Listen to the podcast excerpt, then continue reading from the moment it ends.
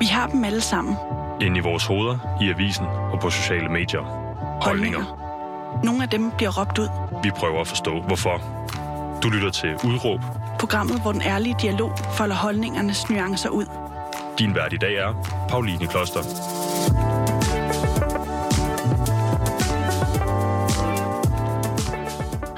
Og velkommen til Udråb, som i dag skal handle om kropsaktivisme. Det skal handle om at være tyk. Så skal det handle om normer og idealer. Fordi med mig i studiet har jeg dig, Regina Fjendbo. Velkommen til. Tak.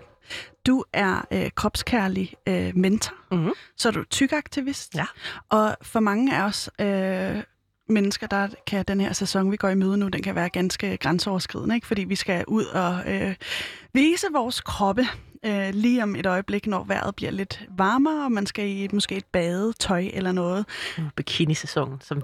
Uh, Præcis, det er ikke? så godt. Øh, en, en særdeles grænseoverskridende oplevelse for rigtig mange. Ikke for dig. Mm-mm.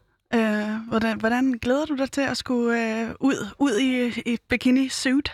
Altså, mit, øh, min yndlingspåklædning er jo i bund og grund at være nøgen, så jo varmere det er, ud, er udenfor, jo nemmere er det ligesom for mig, fordi at jeg, jeg, har, jeg har jo smidt bikini ind, og så går jeg nøgen på stranden i stedet, for det er meget nemmere. Gør du det? Ja. Altså nu, nudiststrand? Nej, bare almindelig strand. Man må være nøgen på alle stranden, og øh, offentlige skove i Danmark. Nå, det var jeg slet klar. Så jeg går bare nøgen på stranden. Gør du det? Ja. Og du har ingen kvaler med det? øh, Overhovedet ikke. Hold da kæft. Og det, den rejse fra, øh, fordi det har du haft. Ja. Øh, men den rejse, øh, den skal vi dykke meget mere øh, ned i lige om et øjeblik. Men først vil jeg lige spørge dig, øh, hvad er dit udråb? Mit udråb er, øh, bryd normerne og vær tyk. Sådan der, ikke? Og øhm, til sidst i programmet, der vender vi lige tilbage til, hvad du mener med det udråb. Men øh, noget, der også fortæller den his- historie, det er jo lige netop din egen personlige fortælling, ikke også? Ja. Øhm, som jo starter, øh, da du er barn, fordi der er du tyk. Ja. Øhm, vil du ikke lige prøve, at, hvis du lige kan fremkalde dig et billede af, hvordan du så ud, vil du så ikke lige prøve at beskrive, øh, hvor, hvor tykt et barn du var, og hvordan du ser ud? Jamen, så ud det sjove er, at, øh, at sådan, når jeg har kigget på billeder af, hvordan jeg så ud som barn efterfølgende, så kan jeg ikke selv se, at, øh, at jeg er tyk før måske op i sådan i øh, 5. 6. klasse. Øhm, indtil da, der har jeg haft sådan samme størrelse som drengene i min klasse egentlig, og, og jeg har altid været høj, og jeg har altid været bredskuldret. Øhm, men, men jeg har altid været tyk, fordi at øhm, voksne mennesker og andre har altid fortalt mig, at jeg var tyk.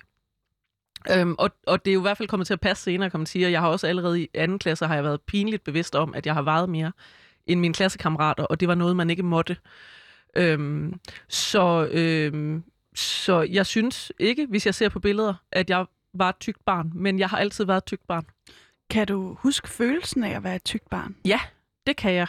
Øhm, I, øh, i øh, jeg tror, det har været omkring, jeg er ret sikker på, at det var anden klasse, der kan jeg huske, at vi på et tidspunkt i øh, en matematiktime, der skulle vi lave et eller andet regning øh, i forhold med noget med at øh, måske at regne noget gennemsnit af et tal ud eller et eller andet, hvor at, øh, at der blev vi alle sammen spurgt om, hvad vi vejede, fordi så kunne vi bruge det til at lave matematik med. Og, øh, og jeg tror, et par uger inden, der havde vi været ved øh, sundhedsplejersken, og alle var blevet vejet, så alle vidste udmærket godt, hvad de vejede. Det, det var der ikke rigtig nogen, der var i tvivl om. Men jeg øh, øh løg løj mig ud af den, og, øh, og sagde, at jeg kunne simpelthen ikke huske, hvad jeg vejede. Fordi at jeg vidste godt, at mit tal var højere end alle de andres, og at det var ikke fedt at være den, der havde det højeste tal. Og var det det højeste tal, altså at du var den tykkeste i klassen? Jeg var den, der vejede mest i hvert fald. Ja. Øhm, og øh, hende, som så endte med at være den, der havde det højeste tal, øh, så at sige, hun endte jo så også med bagefter at gå og sådan... Øh, og prøve på at bortforklare, hvordan, at, hvordan at, at hendes tal var så højt, fordi at hun havde jo selvfølgelig hun havde haft både vinterstøvler og vintertøj og alle mulige ting på, dengang hun var blevet vejet. Og jeg vidste altså godt, at det tøj, tal, hun havde sagt, det, der var mit tal højere end det. Mm. Så, så der var ikke nogen tvivl om, at jeg skulle ikke fortælle, hvad, Og det var skamfuldt for dig, Det- kunne jeg det var det. fornemme. øh, hvordan kom du udenom det så? Altså, brugte du så bare et fiktivt tal, der var lavere? Nej, så, eller? så min matematiklærer, som øh, jo højst sandsynligt også godt vidste, at jeg var måske den, der havde det højeste tal, øh, var jo sådan lidt, om så tager vi sådan en vægt, der tilsvarer denne her drengs, og så siger vi, at det er det, du vejer, når at vi nu ikke har et præcist tal. Mm.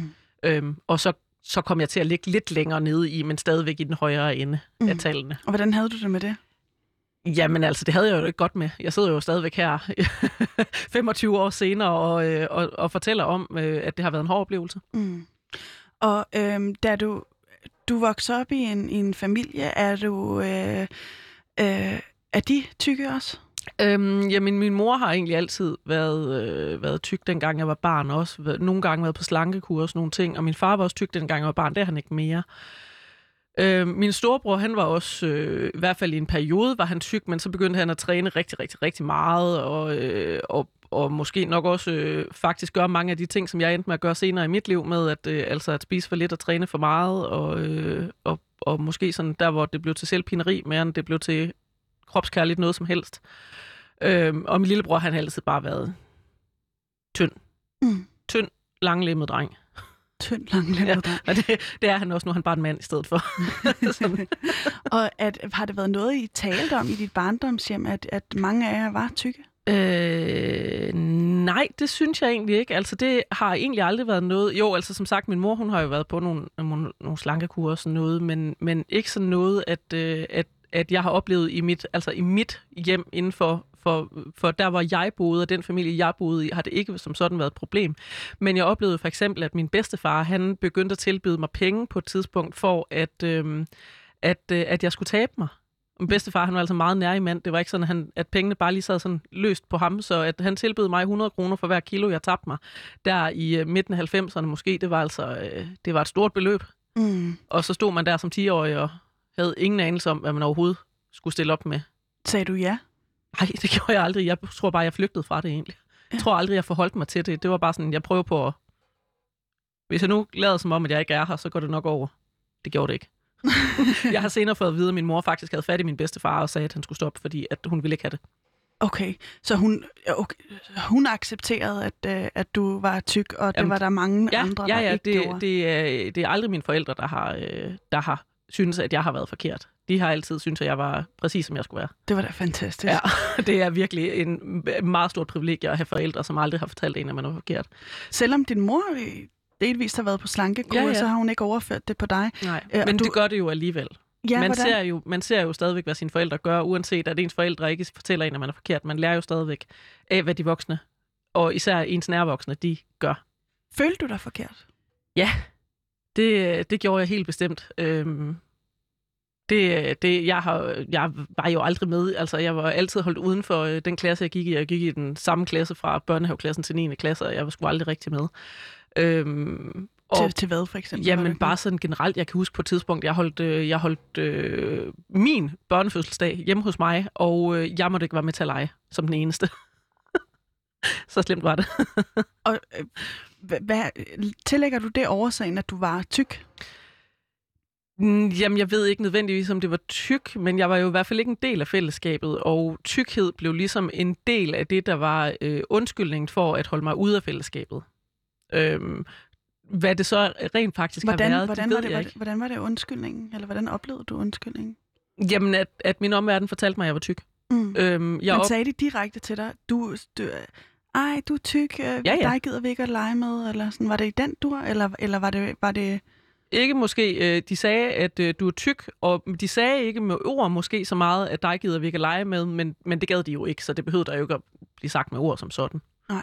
Øh, det vidste jeg godt. øh, det, det må du have gjort. Ja.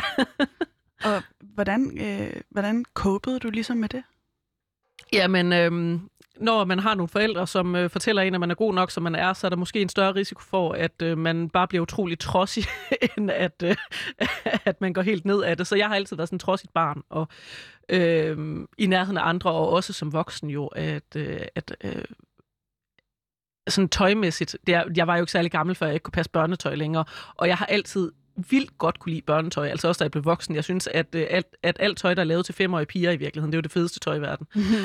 det taler jo fuldstændig ind i, hvordan du ser, ser Ja. ud også i dag, ikke? Altså, du har en, øh, en kjole på med regnbuer og, regnbuer og enhjørninger.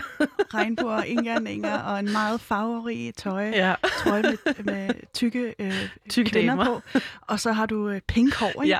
Altså, så du, du formår at gøre et statement ud af det, ja. Og det gjorde du faktisk allerede som barn, ikke? Hvor Det du begynder at gå ekstremt meget farverigt tøj, Ja. og ligesom kræve en plads i verden, som du måske ikke har følt, der har været til dig. Ja. Hvorfor var det sådan, du håndterede det? Jeg tror bare, at det, øh, det var nemmere, altså, end at prøve på, at jeg kunne, jo godt, jeg kunne jo godt mærke, at jeg kom ikke til at passe ind. Jeg, altså, jeg passede ikke ind, og det var nok ikke bare på grund af det med at være syg, men jeg passede jo ikke ind i, øh, i, i min omverden, og, og dem, som jeg øh, var sammen med, ville ikke være sammen, altså dem, jeg var i nærheden af, ville ikke være sammen med mig. Og så var jeg sådan lidt, jamen, jamen så kan jeg jo lige så godt gøre det, som jeg synes er fedt. Og jeg gjorde det allerede den gang, da jeg gik i anden, der startede jeg til ridning, og øh, alle andre i min klasse, sådan cirka, de gik til håndbold. Og der var en forældre i den klasse, jeg gik i, som prøvede på, at jeg også skulle være med til håndbold. Og jeg har altid hadet håndbold. Jeg hader stadigvæk håndbold. Jeg kan ikke lide ting med øh, sådan læderkugle, der kan komme flyvende i nærheden af mit hoved. Ja. Øhm, og, og hvor at, øh, at der så var det her forsøg på at få mig med til håndbold i stedet for ridning. Og, og var sådan, det ville jeg ikke, jeg ville gå til ridning. Mm. Øhm, og senere, der blev der så lavet, fordi at jeg har altid været et meget kreativt barn. Jeg kan, har altid godt kunne lide alt med håndarbejde og klippe klistre og finde på ting og lave ting. Og så blev der lavet en kreaklub, hvor at, øh, så kunne vi jo prøve på at lave lidt mere fællesskab i klassen ved det. Og den kreaklub, den lå lige præcis, mens jeg gik til ridning. Og så var jeg sådan lidt, "Mm, det, men der går jeg til ridning, så jeg kan ikke komme til kreaklub. Så du valgte? Jeg valgte min hobby, i stedet for at vælge at tilpasse mig det fællesskab, som jeg alligevel ikke måtte være med i. Hvor, hvorfor? Øhm, altså, fordi det er jo meget naturligt som barn at søge ind i det der fællesskab, Ja. og næsten på bekostning af hvad som helst. Ikke? Ja. Øhm, hvad tror du, det siger om dig, at du ikke har det på den måde? Jamen, øhm, at jeg ikke har...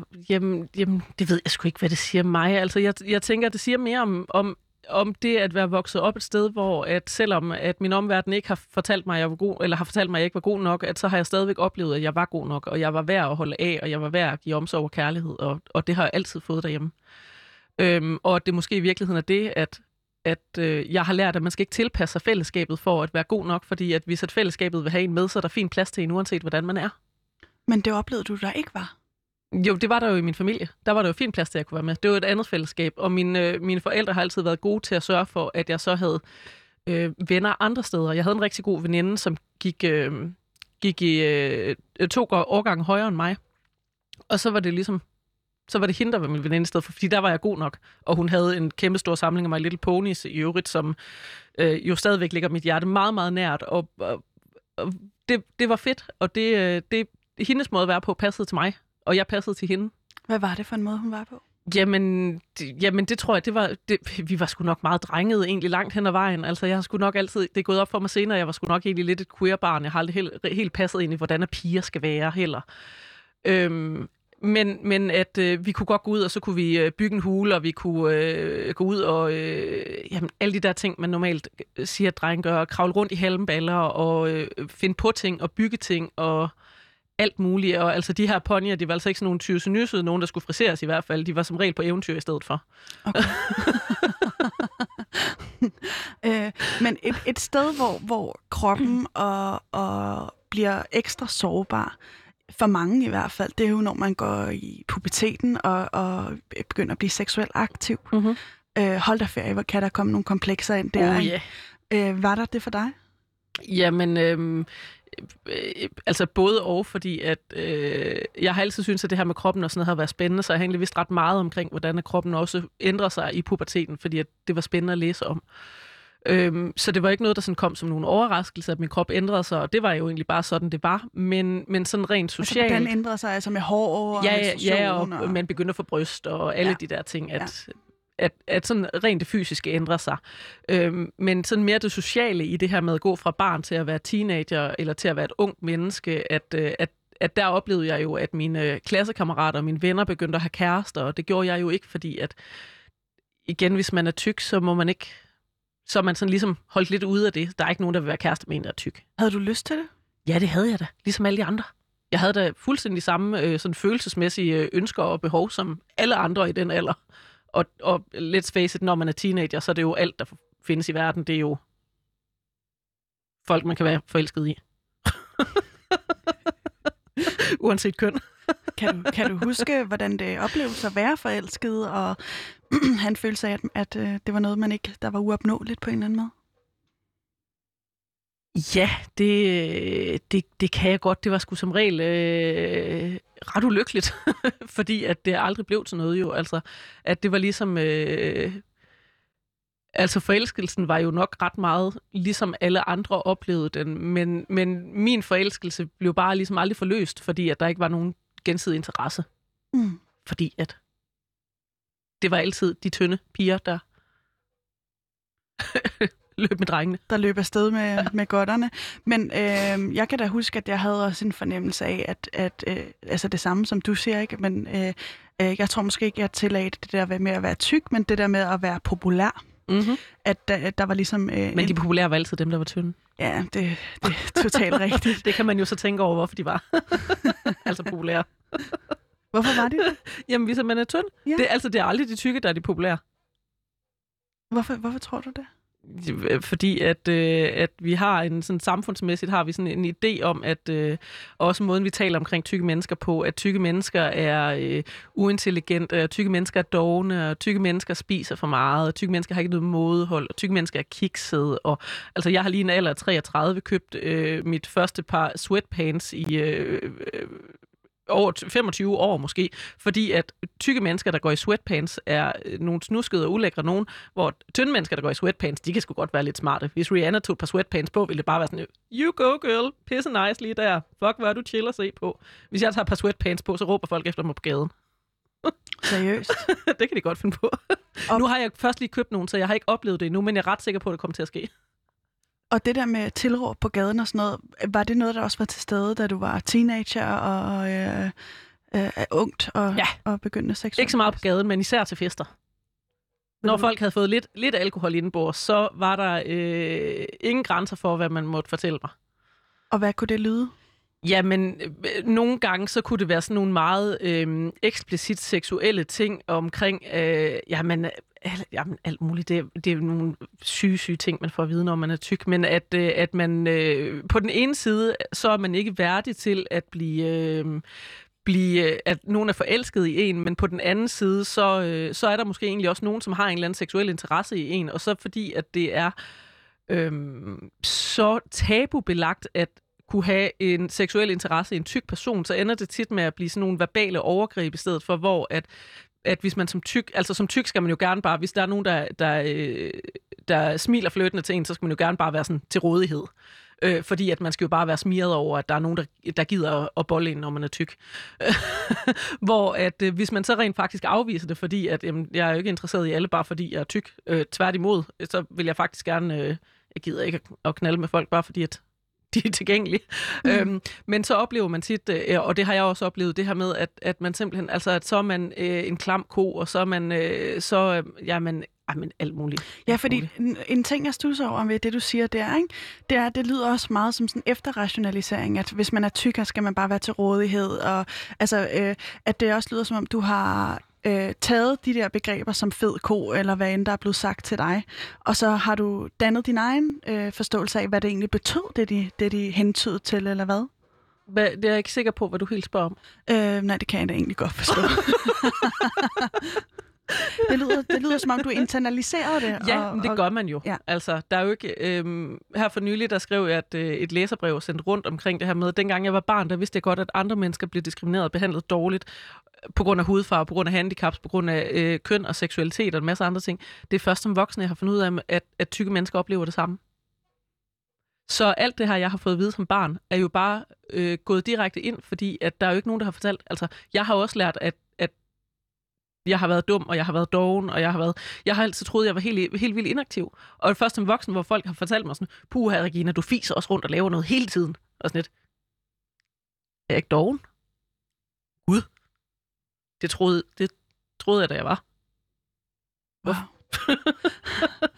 og øh, da du så... øh, Altså, du, du må lige stoppe mig, hvis jeg bliver for personlig. Det kan jeg godt have en ikke noget. tendens til, ikke? Men, øh, Bare you go.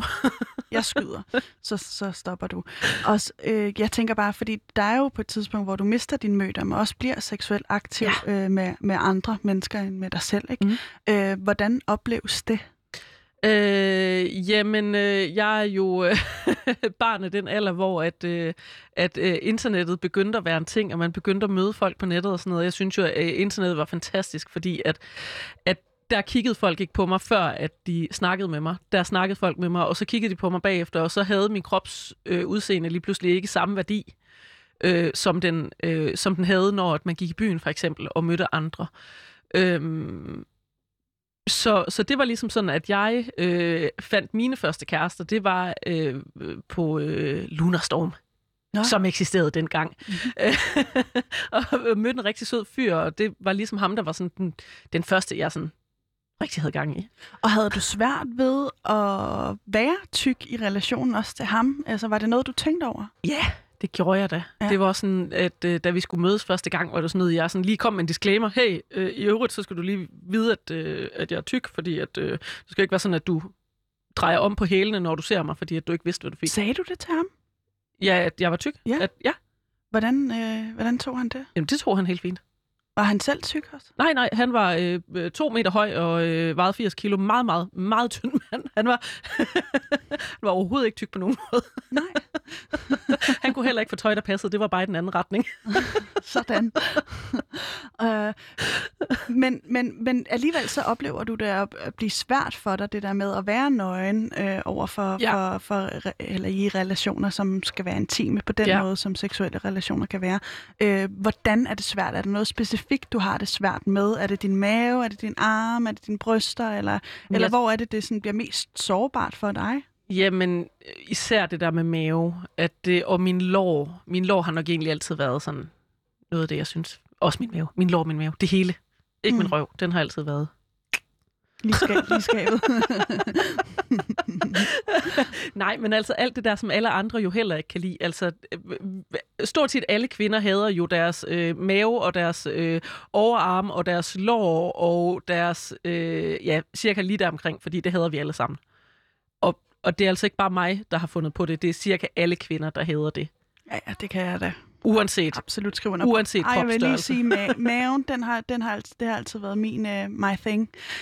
Den var helt... Uh, Men, men de andre kan du godt være med på den kan jeg stadigvæk. sagtens ja. være med på. Så er vi stadigvæk på i hvert fald to ud af tre. ja. Men der sker, der sker, altså fordi det, undskyld, jeg bliver ved med at blive hængende i det, Ja, det- det er bare bare fordi, jeg det. synes, det er mega interessant. Ikke? Altså, når, fordi man begynder at gå i byen, og du bliver et seksuelt aktiv væg, væsen, og øh, i den periode var det jo også lidt, som jeg husker det i hvert fald, fra min øh, ungdom og, og teenageperiode, øh, at dem, der virkelig kunne score øh, meget, det var også dem, øh, som, som ja, ligesom var højst i hierarkiet. I, Konventionelt smukke. Ja, præcis. Ja. Ikke? Og øhm, vi snakkede lidt om i går, da vi snakkede sammen og lavede et forinterview, at det var svært for dig at øhm, øh, være, være den, der ligesom ikke fik opmærksomheden, ikke?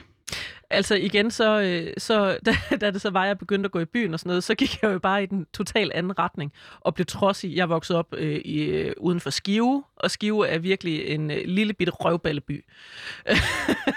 og hvor jeg bare var sådan lidt, okay, men det er fint, altså, så er det sådan her, at det er at være i Skive. Sådan er det ikke alle steder i verden. Og så gik jeg i den anden retning og var sådan, jamen, prøv at, hvis et folk i Skive ikke kan lide mig, så, så gider jeg ikke at bruge mit opmærksomhed på dem. Og så festede jeg med mig selv i stedet for, og min gode veninde.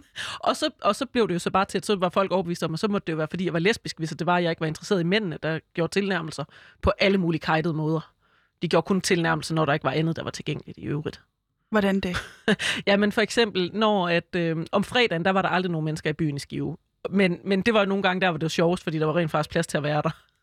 Så, så nogle gange så oplevede mig og min veninde jo, at vi var sådan de eneste kvinder på hele diskoteket. Og, og, så, og så bliver man jo interessant, fordi at man er kvinder, og man er der. Og hvor det var sådan lidt, jeg gider ikke, øh, jeg gider ikke at have din opmærksomhed, bare fordi at der ikke er andet, der er tilgængeligt. Og så, og så festede vi jo bare med hinanden. Og så blev det sådan med, at så må det jo være, fordi at vi var lesbiske, eller fordi der var et eller andet galt med os, at, øh, at vi ikke gad at, øh, at score os alle de her mænd, som synes vi var interessante, fordi der ikke var andet at komme efter. Hvad gør man så? Hvad man gør, Mm-hmm. det, så, det ved jeg ikke. Så Ignorerer man dem? Og, Ja, øh, altså, eller også så, så, øh, så tager man pis på dem og får det bedste ud af situationen.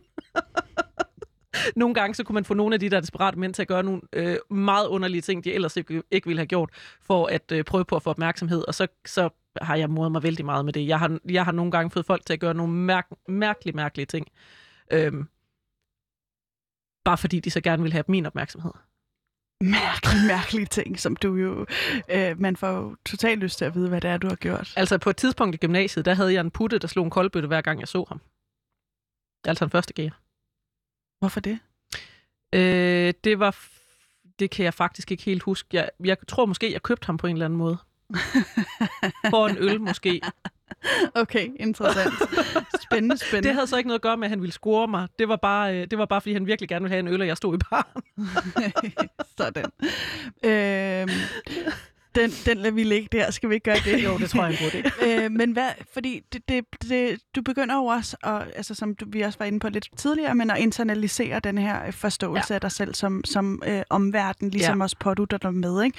Hvordan lyder det, når du taler til dig selv i spejlet? Jeg tror ikke rigtigt, at jeg talte så meget til mig selv i spejlet. Øh, det var ikke... Øh, jeg kan ikke engang huske om... Øh, altså nu der har jeg jo øh, adskillige helkropsspejle i mit hjem, men, men det tror jeg sgu ikke engang, jeg havde, dengang jeg var yngre. Det, jeg, jeg kan ikke huske, at sådan har kigget mig selv i spejlet, hvor at jeg har kunne se hele min krop. Det har været mit ansigt. Og mit ansigt har altid været sådan noget, det er sådan, hvis vi nu skærer det sådan lige under, under halsen, og jeg sådan lige øh, øh, retter mit hoved op på den rigtige måde, sådan noget, så kan man ikke se på mit hoved, at jeg er tyk. Mm. Så, så kan man sådan ligesom holde sig væk fra resten af sin krop på den måde, ved at sådan lade som om, at den bare ikke er der. Virkede det? Mm, ja, nej, altså, det får man jo ikke godt i sin krop af at lade, som om den ikke eksisterer. men, men jeg kunne stadigvæk godt have det sjovt med den, og det var måske egentlig i virkeligheden det vigtigste, at det gjorde egentlig ikke så meget, hvordan den så ud, fordi at den, den, det var bare sådan, den var. Altså, at så måtte jeg jo, altså, jeg, jeg rendte rundt i uh, hullet jeans og en uh, gammel læderjakke i den periode, og, og, og, og var sådan meget, jamen, så hvis jeg ikke, uh, hvis jeg ikke kan gøre andet, så kan jeg da være lortepunker, og så er det, så er det ligesom min stil, og så, og så vidste jeg ligesom, sådan, okay, men det fungerer det her, og jeg ved, at hvis jeg tager det her på, så, så fungerer det for mig, og så behøver jeg ikke at forholde mig så meget til, til det. Da du er øh, 23, der øh, begynder du på en slankekur. Ja. Vil du ikke lige prøve at beskrive, hvorfor du starter på den her slankekur? Øh, jamen, den korte forklaring er jo, at... Jeg behøver øh, ikke at være kort. Ja. den korte forklaring er, at min mor startede på en slankekur, og jeg tænkte, hvis hun kan, så kan jeg også. Fordi jeg er en meget trodsig person. øh, men den lange forklaring er jo, at... Øh, at, jamen, det ved jeg ikke, hvad forklaringen er. Forklaringen er jo, at jeg har jo ikke, øh, jeg har jo ikke følt, at, at min krop har været, som den skulle være. Altså, hvis at jeg følte, at min krop var, var god præcis, som den var, så var jeg ikke gået på en slankekur. Jeg har jo stadigvæk haft en idé om, at, øh, at min krop var bedre, hvis at den var tynd. Eller at øh, min krop ville, ville passe bedre ind, eller jeg ville være gladere, hvis jeg var tynd. Eller, øh, jeg, jeg tror aldrig, at jeg har øh, bevidst gjort de her tanker så meget. Det var bare sådan ligesom... Det kom bare lidt og overtog det hele. Slankekuren? Ja. Hvordan overtog den det hele? Jamen, øhm, jeg tog sådan en klassisk, øh, sådan en klassisk pulverkur til at starte med, hvor at, øh, at jeg jo lige pludselig øh, tabte mig næsten 30 kilo på, øh, på 4-5 måneder, eller sådan noget i den stil. Altså sådan helt vildt meget, og øhm, alt omkring mig kom jo til at handle om det her. Jeg kunne, ikke, jeg kunne ikke spise almindelig mad, for eksempel, fordi jeg skulle jo kun spise det her pulver, og så tabte jeg mig jo og, øh, og, og blev tynd. Øhm, og min omverden, altså min, mine nære venner begyndte ikke at kunne genkende mig, når at, øh, at de mødte mig på gaden. Og jeg begyndte jo lige pludselig at kunne købe andet tøj også. Der var sådan en helt ny måde, verden der åbnede sig for, øh, sig for mig. Øhm, den dag jeg kunne købe det første stykke tøj i H&M, var jeg jo sådan helt, wow, er det sådan her, det er at købe ting i H&M? Alt er tilgængeligt. Mm. Øhm, nu kan jeg ikke huske, hvor vi kom fra. Men du oplevede også, at der var plads til dig i verden Ja. pludselig. Helt vildt. Det gik jo fra at netop det der, altså bare det der med tøj, at jeg, øh, tøj var sådan noget, jeg skulle købe i specialforretninger, og jeg interesserede mig ikke særlig meget for tøj, fordi at jeg kunne alligevel ikke rigtig købe noget tøj nogen steder, til at der var tøj alle steder. Mm. Og hvis, at jeg, ikke- hvis jeg ikke kunne finde noget, jeg kunne lide i en butik, så kunne jeg bare gå ind i en anden butik og finde noget andet, jeg godt kunne lide. Hvor at før det har jeg jo været vant til, at hvis der er noget, jeg kan passe, så er det jo det, jeg må tage til takke med. Hvordan havde du det med det? Det var da fedt. Mm. Fuck, hvor var det fedt. Lige pludselig kunne man købe ting med farver og paljetter og øh, glimmer og print med My Little Pony og øh, alle mulige andre ting. Øh, så kunne man lige pludselig købe noget af det der tøj, hvor man kom til at ligne den der lille femårige pige, som man måske nogle gange gerne vil være lidt inde i. Og du begynder også at få opmærksomhed for det modsatte Ja. køn, når du er i byen. Ja. Og ikke sådan den der opmærksomhed, hvor at, øh, hvis at, øh, at du skal være tilgængelig for mig, men det var jo lige pludselig, hvor at, at mænd gjorde sig til for min skyld også, og at jeg kunne sige, nu vil jeg gerne have din opmærksomhed, og så fik jeg den. Hvordan føles det? Jamen, det var da fantastisk. Alle så mig. Og alle syntes, jeg var fantastisk lige præcis, som jeg var.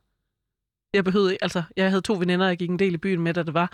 Og det gik fra, at det som regel var dem, der fik opmærksomheden, til at det var mig, der fik opmærksomheden, når vi gik i byen. Øhm, bare ved at være der. Det har jeg aldrig oplevet før. jeg har altid været utrolig god til at feste med mig selv, og lige pludselig var, kunne jeg slet ikke få lov til at feste med mig selv nærmest. Fordi at der var så mange, som gerne ville mig. Mænd, der flyttede og købte drinks og ville danse med mig. Og Og påvirkede det din selvforståelse? ja, absolut. Altså, det er jo helt vildt at gå fra, at verden sådan hele tiden ligesom sidder og klemmer lidt, og så til, at verden bare er øh, perfect fit, og alt passer, og alle synes, man er fantastisk, bare fordi man er. Og at kunne gå ind butik og kigge på en kjole og sige, den vil jeg gerne have, og så kunne den gå i Sisters Point og købe, øh, købe kollektionsprøver. Kollektionsprøver er sindssygt små, sådan helt generelt. Jeg kunne passe kollektionsprøver lige pludselig. H- Hvordan fik du det med din egen krop i den periode der? Ikke særlig godt. Øh, jeg gik øh, i øh, sådan shapewear altid, altså. Og ikke bare sådan en, en lille et eller andet, der lige holdt lidt på, på ens krop, men, men altså flere lag af øh, trøjer, der strammede ind, og, øh, og strømpebukser, der øh, holdt rigtigt på lårene. Igen, lårene, den, har, den var også ret slem dengang. Øhm, og alt muligt for, at at jeg følte, at min krop ikke var tynd. Jeg var helt vildt tynd.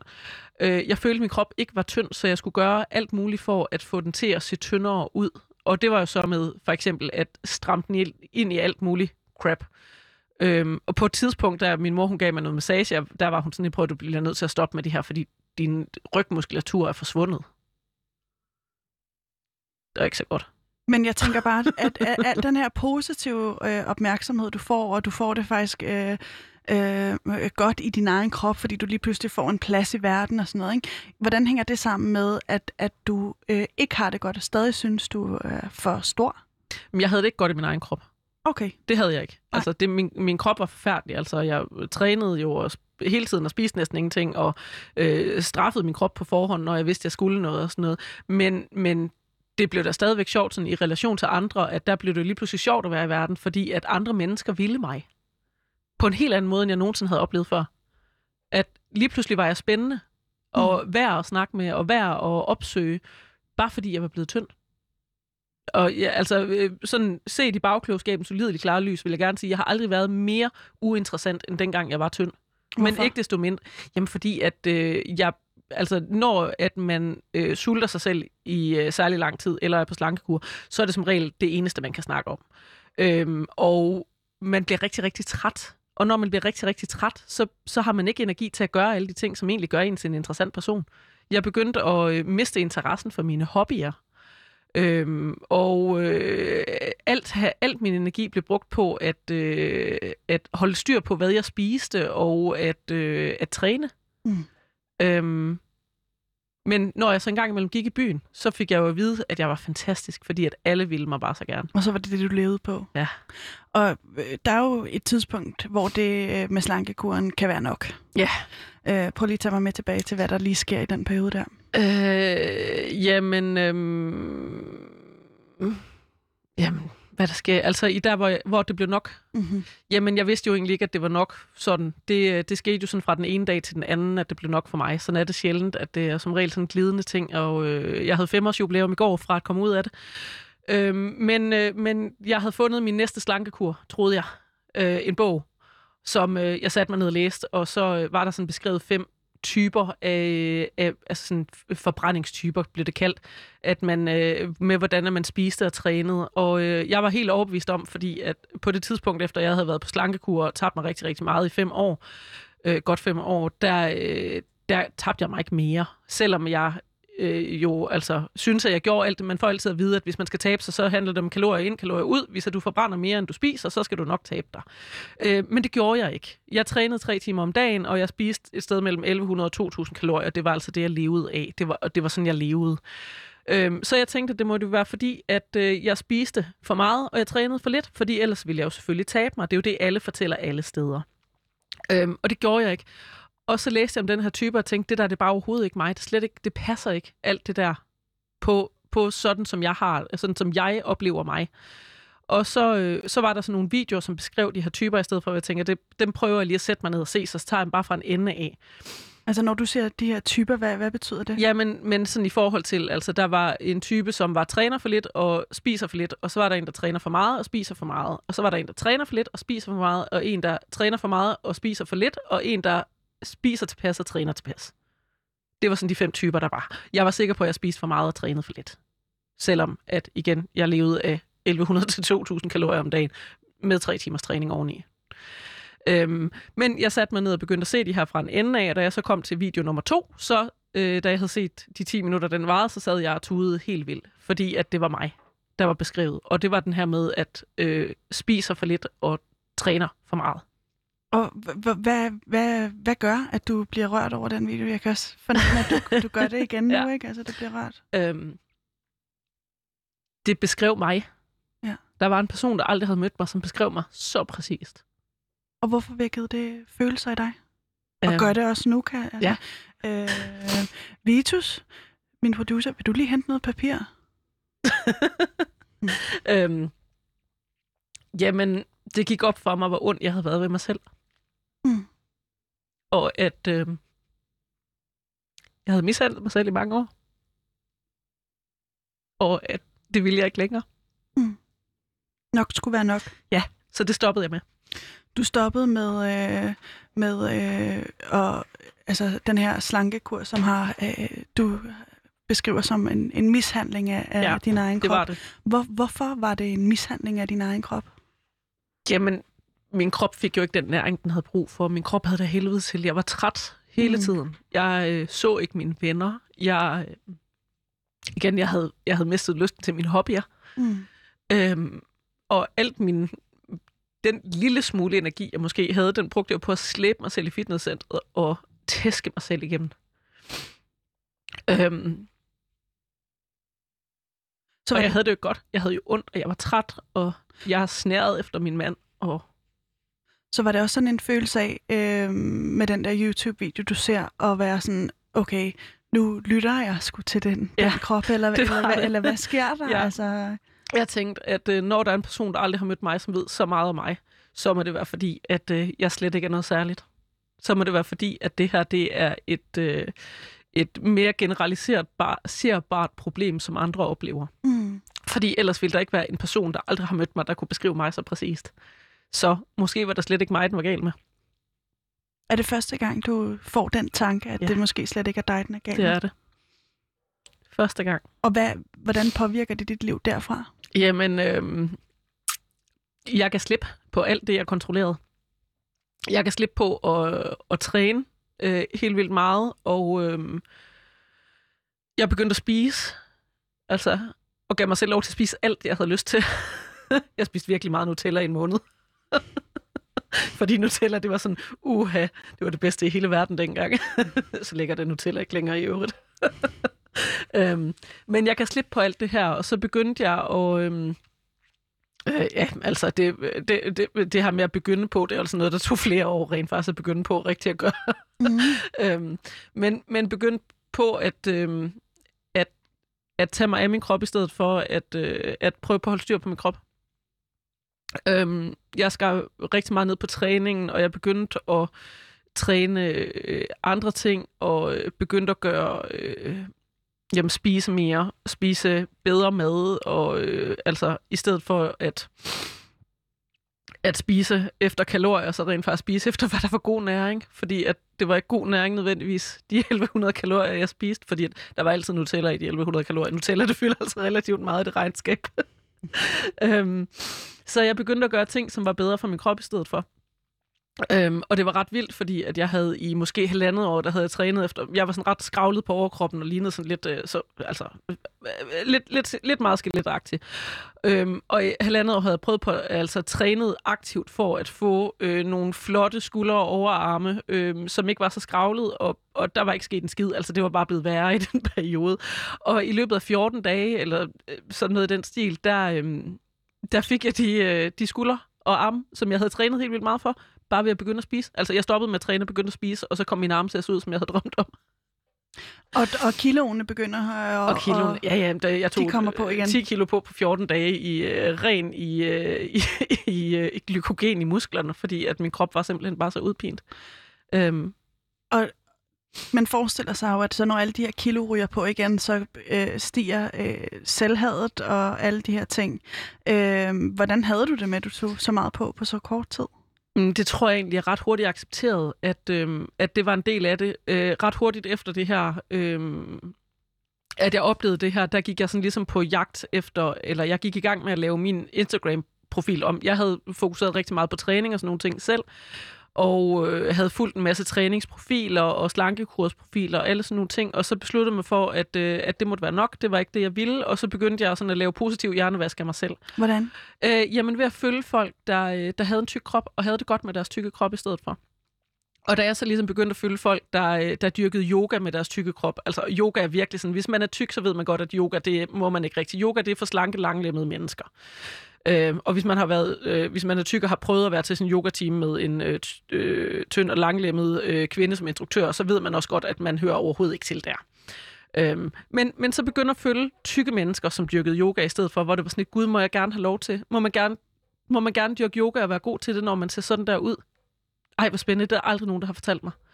Øhm, og, og tykke mennesker, der var, der var glade med, for den krop, de havde, og glade i den krop, de havde, og gjorde ting, som jeg gerne ville, men, men som jeg troede, jeg ikke måtte, fordi jeg ikke var tynd nok. Øh, tykke mennesker, der kan løbe en maraton. Øh, hvor er det, sådan lidt, det får man jo heller ikke at vide. så er aldrig en tyk, tyk maratonløber. Men de findes. Hvorfor ser vi aldrig dem? Øhm, og, og så fyldte jeg ligesom op med tykke og glade mennesker. Og jo mere jeg så fyldte op med tykke og glade mennesker, jo mere gik det op for mig, at der var så mange, som fortalte historier, der mindede så meget om min. Altså nærmest øh, en til en min historie. Det var, den var bare slet overhovedet ikke særlig unik, den historie, jeg kunne fortælle. Og det øh, er jo noget, du også øh, deler ud af på din Instagram-profil, ikke? Øh, men, men er det, er det helt væk, selvhadet nu? Altså, eller, eller er der stadig en snært af det der med gerne at vil øh, passe ind og få den der følelse af, at der var plads til dig i verden, som da du var tynd? Eller, eller hvordan ligger det nu? Jamen, jeg kan jo godt blive ramt af den her tanke af, at det var sgu lækkert, dengang verden passede til mig. Eller jeg passede til verden, var det jo i virkeligheden, fordi at verden ændrede sig øh, jo ikke på sig. Øhm, jeg kan godt savne, at øh, dengang jeg var tynd, der, øh, der troede folk på alt, hvad jeg sagde. Det gør de ikke nu. Jeg ved meget, meget mere nu, end jeg vidste dengang, at jeg var tynd. Men dengang jeg var tynd, kunne jeg fortælle folk, hvordan at, nu, skal du, øh, nu kan du gøre sådan her, hvis du gerne vil tabe dig, og så bliver du tynd. Eller et, altså folk troede på alt, hvad jeg sagde. Jeg kunne lukke så meget lort ud, at folk troede på det. Hvor at nu, nu, når jeg snakker om, hvordan tykke mennesker oplever at være i verden, så, siger folk, så får jeg tit at vide, at det er også fordi, at jeg er for, øh, for doven til, at jeg gider at gøre noget ved det, og stoppe med selv at være tyk. Og at, at jeg skal altid betvivles for at fortælle om, hvordan jeg oplever verden nu.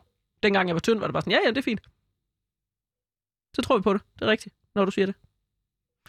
Øhm, og jeg kan godt savne det. Altså, det var fandme nemt, dengang jeg var tynd. Jeg havde det helvede til, men det var fandme nemt. Øh, I hvert fald udad til. Øhm, men jeg havde det jo ikke godt. Altså, jeg havde det helvede til. Jeg havde det ikke godt, og jeg gider faktisk ikke. Øh, igen, så, så er det den der med at blive trodsig. Vil jeg så tilpasse mig fællesskabet for at få lov til at være med i et fællesskab, der ikke vil have mig, eller vil jeg gerne være trodsig, og så, så gør jeg det på min måde. Så har jeg valgt det godt på min måde. Jeg vil gerne, jeg gider ikke at være tynd i en verden, hvor at, som, altså, som ikke gider at have mig alligevel. Jeg gider ikke, at jeg skal kæmpe hver eneste dag for at få lov til at passe ind, for at blive, øh, blive taget alvorligt og lyttet til. Det er faktisk ikke mig, der er problemet her. Det er hvad? Jamen, det er omverdenen, det er kulturen, det er samfundet, vi lever i, det er vores øh, idé om, hvordan tykke mennesker er. At tykke mennesker er en anden slags mennesker, som ikke er gode nok, som ikke er lige så gode og lige så troværdige, som tynde mennesker er. Øhm, og det gider jeg ikke. Så nu er jeg trodsig igen, og så går jeg rundt og er tyk i min nederdel med enhjørning på, og min t-shirt med, med tykke damer, og mit lysrøde hår. Fordi jeg bliver aldrig god nok alligevel. Men er du så ikke stadig styret af de normer, der fastholdt dig også dengang? Nej, øh, fordi nu kender jeg de normer. Jeg kendte ikke normerne dengang. Det er virkelig svært at, at, at, at, at løsrive sig af de her normer, når man ikke ved, at de eksisterer. Det er jo igen den der med, at jeg var voksen, før jeg fandt ud af, at vi behandler tykke mennesker anderledes. Da jeg fandt ud af, at vi behandler tykke mennesker anderledes, var det sådan, wow, det giver så god mening. Så hvis at det aldrig var mig, der var problemet, men det faktisk er, fordi vi diskriminerer og stigmatiserer tykke mennesker, hvad kan man så gøre med den information? Så hvis det ikke er mig, der er problemet, men det er kulturen, der er problemet, så det er jo ikke mig, der skal ændres på. Men kan man ikke se, at normerne er en eller anden form for en guideline, der ligesom øh, så man kan vælge at lade være at lytte til, og så bare være som du er, og det er godt nok. Øh, og så er der de, de normer, der, øh, der, der, der ligesom opretholder en eller anden form for et ideal. Er det ikke fint nok, at man bare kan vælge at vende ryggen? Altså skal man, øh, eller hvad? Men, men problemet er, at jeg kan godt vælge at vende ryggen. Men det betyder ikke, at min omverden øh, accepterer, at jeg har vendt ryggen. Mm. Det betyder ikke, at øh, min omverden synes, at, øh, at nu øh, kan vi kigge på mig og tro på, hvad jeg siger. Det betyder ikke, at øh, min omverden øh, stopper med at råbe efter mig øh, på gaden for eksempel, eller at, øh, at vi lige pludselig beslutter os for, at øh, tykke kvinder i byen, dem, øh, de, de er lige så værd at score, som tynde kvinder er. Det betyder ikke, at der er tøjproducenter, de gider at lave tøj, der passer til mig, eller at øh, stoleproducenter, de laver stole, hvor at øh, armlænene, de er bredere, eller bare lade være med at lave stole med armlæn, for den sags skyld. Øhm, det flytter ikke på øh, selespændet i min bil, som sidder og gnaver ind i min, øh, mit lår, når at, øh, jeg kører. Og, altså, så, så uanset at jeg vender mig væk fra normerne, fordi det har jeg gjort. Jeg kender godt normerne, jeg gider ikke være en del af dem. Så er jeg bare stadigvæk underlagt normerne, fordi at jeg kan ikke lave om på, hvordan, altså at jeg håndterer mit selvhed og slipper af med det, hjælper ikke på, hvordan alle andre ser på mig og behandler mig. At jeg ikke hader mig selv, det gør ikke, at folk de tænker, at øh, man ikke behøver at råbe efter mig, hvis jeg sætter mig i solen og spiser en is. Mm. Og det, det er jo skrækkeligt at høre, at det er sådan, det fungerer, ikke? At, ja. der, at man, øh, øh, altså at folk råber efter ja. dig. Det, det, det synes jeg er ganske forfærdeligt. Men kan man ikke også sige, at der er noget godt i at opretholde et ideal om, at folk også, fordi der, der er jo også den her del af... Øh, øh, hvad kan jeg sige, alle de der følgesygdomme, der ligesom også følger med, med, med diabetes og så videre og så videre, ikke? Altså uden at det skal blive for meget tal, tal knipperi. Øh, øh, er der så ikke et, et ideal, eller et, et fint nok, at der er en eller anden form for en, en, øh, en rettesnor at sige, hey, det er den her vej, vi, vi, øh, øh, vi skal prøve at, at være indenfor? Men problemet er, øh, i forhold til det her med følgesygdommene, vi kan jo godt lide at sige, at tykke mennesker bliver syge, fordi de er tykke, men vi kan ikke sige, at det kan vi ikke sige nødvendigvis, fordi at alle tykke mennesker har oplevet lignende ting af mig. Alle tykke mennesker har oplevet at være udenfor og diskrimineret hele deres liv. Så er det diskrimination og stigmatisering, man bliver syg af, eller er det tykkhed, man bliver syg af? Og stort set alle mennesker har haft jojo-vægt på et tidspunkt i deres liv. Det ved vi, at folk bliver syge af. Bliver man syg af jojo-vægten, eller bliver man syg af tykkheden? Det er jo, vi kan godt lide at sige, at det nødvendigvis bliver nødt til at være, at det er tykkheden, men vi kan ikke undersøge tykkhed for sig selv, fordi tykkhed er ikke en faktor, vi kan, vi kan tage, hvor vi kan tage de andre ting ud af ligningen. Vi kan ikke finde en, øh, en kontrolgruppe, hvor at, at folk ikke har oplevet stigmatisering og jojo-vægt. Så vi kan ikke undersøge det. Hvordan, øh... Vi kan godt sige, at der er en sammenhæng, fordi det kan vi jo se på tallene, at tykke mennesker ofte bliver syge, men årsag og sammenhæng er ikke det samme. Hvordan øh, er dit eget ansvar placeret i, fordi jeg tænker også, der er også en, en det der med, at, at du går på kur, altså og straffer dig selv, og, og, og det lyder ekstremt destruktivt, den måde du også tabte dig på øh, i sin tid. Øh, har man ikke også selv et ansvar i den proces, altså at gøre det på en måde, som er hensigtsmæssig, øh, og en livsstilsændring, som jo er det, du har, har øh, været igennem nu på den anden side af den øh, kur, som, som ødelagde dig, ikke? altså hvor du mishandlede din krop. Øh, er, det, er, det ikke, er, det ikke, øh, er det ikke også dit eget ansvar at, at, at, at tage den der udvikling i en sund retning, og ikke nødvendigvis øh, samfundet? Men hvordan skal man vide det? Ved du, hvad sundt er? Hvad mener du? Hvis, at, hvis, hvis du skal fortælle, hvad er sundt, kan du fortælle det? Altså, hvad, hvad der er sund kropsidealer, Nej, eller bare hvad der er sund, sund mad? Hvad, hvad sund? Eller? Hvordan, hvordan er en sund slankekur? Hvad, hvad synes du? Jeg, jeg tror ikke på, at der findes en sund slankekur, fordi man bliver nødt til at sulte sig selv for at krympe sin krop. Og vi ved, at resultaterne af vægttab er, at øh, det holder ikke i længden. Mm. Der er næsten ingen, hvor det holder i længden. Nej. Og det er altså, kroppen, kroppen kan altså ikke kende forskel på, om man med vilje sulter sig selv, eller om der er hungersnød. Men er det ikke øh, så øh, kurproblemet? Altså at kuren er et problemet, og ikke nødvendigvis den livsstilsændring, øh, som Men mange... man kan jo fint være sund, uden at man skal være tynd. Det er jo det, der er problemet, at når vi snakker sundhed, så snakker vi slet ikke om at være sund, vi snakker om at være tynd. Vi forklæder det bare som om, at det er sundt. Så vi snakker om, at det er sundt at tabe sig. Det er ikke sundt at tabe sig. Det er helt vildt usundt at tabe sig. Folk dør af at gå på slankekur. Men alligevel så bliver vi ved med at lade som om, at tynd og sund er det samme. Tykke mennesker kan fint være sunde. Og der er masser af tykke mennesker, som er sunde og aldrig får livsstilssygdomme. Alligevel så snakker vi om det som om, at tykke mennesker altid får livsstilssygdomme. Det gør de altså ikke. Der er masser af tykke mennesker, der er meget mere sunde end tynde mennesker, men vi står ikke og peger fingre efter tynde mennesker og siger, at du skal lave om på et eller andet, fordi du skylder sund. Der er ikke nogen, der skylder nogen at være sund. Og man kan ikke se på folk, om de er sunde, heller ikke selvom de er tykke. Og sund er noget pjat. Folk fortjener at blive behandlet ordentligt, uanset om de er sunde eller usunde, uanset om de er tykke eller tynde.